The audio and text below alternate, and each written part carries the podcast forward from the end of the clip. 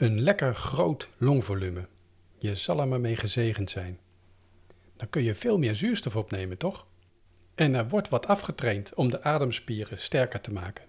Misschien daardoor zelfs wel het longvolume te vergroten. Maar heeft dat allemaal wel zin? Welkom bij deze aflevering van de podcast Ademwijzer.nl. Ik ben Mark Scheffer.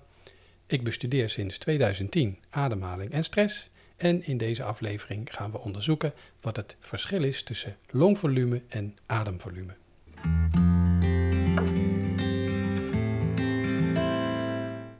De ademspieren trainen en je longvolume vergroten klinkt logisch, maar in werkelijkheid berust het op een paar hardnekkige misverstanden. Het is goed om te weten hoe het wel zit, zodat je verstandig met je ademhaling en je lijf kunt omgaan. Even lekker in de sportschool de ademspieren trainen, zodat je meer zuurstof kunt opnemen en harder kunt lopen. Of een ademapparaat dat de middenrifspier sterker maakt. Huh? Is de middenrifspier te slap? En meer zuurstof opnemen? Kan dat eigenlijk wel? En heb je daar getrainde ademspieren voor nodig? Ach, we hebben er heel weinig over geleerd op school, dus eigenlijk kunnen ze ons alles wijsmaken, toch? En daar zwaaien de gewichten en zuchten en steunen we tijdens de push-ups. Prima hoor, lekker bewegen. Maar handig om wat meer te weten over de ademhaling, zodat je niet het paard achter de wagen spant. Laten we eens beginnen bij dat middenrif. Mensen met een ongezonde ademhaling kunnen het gevoel hebben dat hun middenrif niet goed werkt. Daar kan zelfs snel kramp optreden. Je kunt niet lekker meer doorademen.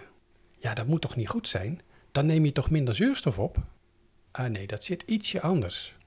Ons lichaam regelt het zo dat je altijd voldoende zuurstof in je bloed hebt.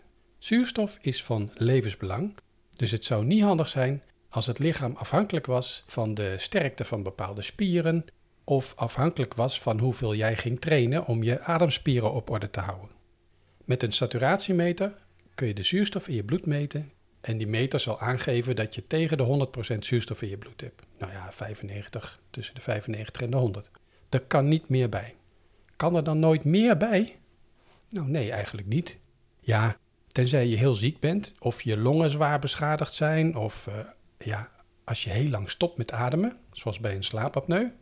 En uh, je krijgt ook te weinig zuurstof als je als een dolle veel in en uit gaat ademen zonder te bewegen. Dat gebeurt bij sommige ademgymnastiek oefeningen.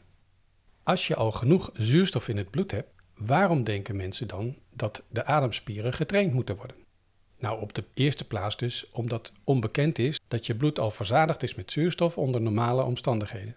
En ook dat de spieren verkrampt kunnen voelen en niet goed lijken te functioneren. De reden van die verkramping zou zomaar kunnen zijn dat we te veel ademen. Kan dat? Ja, dat kan. In deze podcast spreken we vaak over het verband tussen ademhaling en stress. En aanhoudende stress is een reden dat we meer gaan ademen. En in de aflevering over het ademhalingscentrum kom je te weten dat de hoeveelheid zuurstof die er dan aan de lichaamcellen wordt afgegeven, juist lager wordt. Kort gezegd komt het erop neer dat stress het ademvolume vergroot, waardoor we meer koolzuur wegblazen terwijl die koolzuur er nu juist voor zorgt dat we de zuurstof uit het bloed afgeven aan de lichaamcellen. Het zit gewoon allemaal een beetje anders dan we in ons collectieve bewustzijn hebben opgeslagen. Vandaar ook deze podcast. Het is nodig om de complexe achtergrond van ons lichaam meer naar voren te brengen, zodat we verstandig ermee om kunnen gaan. Want als we tijdens het sporten, of welke manier van bewegen dan ook, over onze grenzen gaan, om de ademhalingsspieren te versterken en meer zuurstof op te kunnen nemen, kan het wel eens zijn dat we het tegenovergestelde bereiken. Veel mensen trainen of sporten met een te groot ademvolume, vaak ook met de mond open. Wat er dan gebeurt is dat er meer koolzuur wordt weggeblazen dan het lichaam aanmaakt door de suikerverbranding in de cellen. En minder koolzuur in het bloed betekent een slechtere zuurstofafgifte aan de cellen. En ja, dan kan het zijn dat er verkramping op gaat treden. Want als cellen minder zuurstof krijgen, gaan ze over op melkzuurverbranding. Een hele inefficiënte manier van suikerverbranding die je vooral moe maakt. Bij langdurig intensief sporten is het verstandig dat te doen met een gezond klein ademvolume. En daar heeft een groot longvolume niets mee te maken. Ik zal het met een ander voorbeeld nog proberen te verduidelijken. Ik hield een presentatie over ademhaling en probeerde het lastige onderwerp uit te leggen dat als je ademhalingscentrum is ingesteld op minder ademen, je daardoor meer zuurstof opneemt. Lastig om uit te leggen omdat het collectief bewustzijn een verkeerde opvatting opgeslagen heeft, namelijk dat als je meer ademt, je meer zuurstof opneemt. Logisch dat je dat denkt, want waarom word je anders benauwd als je onder water gaat zwemmen? Dat komt toch zeker door zuurstofgebrek? Uh, dat is de halve waarheid. Ik heb het daar nog in een andere aflevering uitgebreider over. Bij deze presentatie zat een oudere meneer. Ik ontdekte hem pas tijdens de ademtest die ik bij zo'n presentatie doe om de gezondheid van de ademhaling te meten. Op ademwijzer.nl kun je die test ook doen. De meeste mensen waren na zo'n 20 seconden alweer gaan ademen, maar deze meneer zat bij een minuut nog steeds met zijn neus dicht. En hij kon, toen hij zijn neus losliet, eigenlijk heel normaal doorademen. Hij was dus niet stevig buiten adem. Toen ik na afloop naar hem toe ging, zei hij in verwarring te zijn over de presentatie. Volgens u zou ik een gezonde ademhaling moeten hebben, zei hij. Ik zei ja, dat moet wel. U kunt een minuut uw ademhaling stoppen en dan nog redelijk makkelijk verder ademen zonder buiten adem te zijn. Hij twijfelde even over zijn woorden. Hij wilde niet onbeleefd uh, klinken, maar het kwam erop neer dat hij me niet echt geloofde. Uh, het kan niet waar zijn dat ik een gezonde ademhaling heb, legde hij uit. Want ik heb maar één long. Van mensen die hem kenden hoorde ik dat hij supergezond was en dagelijks in de moestuin te vinden was. En kijk, deze meneer bewijst nu precies waar het om gaat. Je kunt supergezond zijn en een supergezonde ademhaling hebben met maar één long. Zijn longvolume is maar de helft van wat het was, maar zijn ademvolume was super. Natuurlijk zal de aanvoer van zuurstof met maar één long bij een hele grote inspanning wellicht wat eerder tegen haar grenzen lopen. Ik denk niet dat hij in de zevende versnelling de Mont Ventoux oprijdt. Maar ja, wie zegt dat dat nodig is om gezond te zijn? En dan hebben we het nog niet eens gehad over het feit dat je je longvolume niet kunt vergroten. Er komen niet ineens meer longblaasjes bij als je de ademhaling gaat trainen.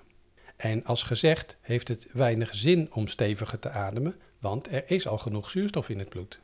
Maar het is toch wel goed om die vieze koolzuur weg te werken? Dat is een afvalstof, toch? Ook dat is helaas niet een juiste opvatting over koolzuur. We linken aan de zure geur al snel negatieve eigenschappen, terwijl koolzuur een gouden stofje is dat zuurstof helpt opnemen in de cellen van je lichaam. Het is dus goed om het ademvolume op orde te hebben, zodat we maximaal zuurstof opnemen. Als we dat doen, gaan ook de spieren beter functioneren die verkrampt aanvoelen, want die krijgen meer zuurstof. En dan kun je nu begrijpen dat als je heftig gaat trainen om de ademspieren sterker te maken, je wel eens het paard achter de wagen kunt spannen, want heftig trainen, zeker met een te groot ademvolume, vermindert dus de zuurstofopname en werkt verkramping in de hand.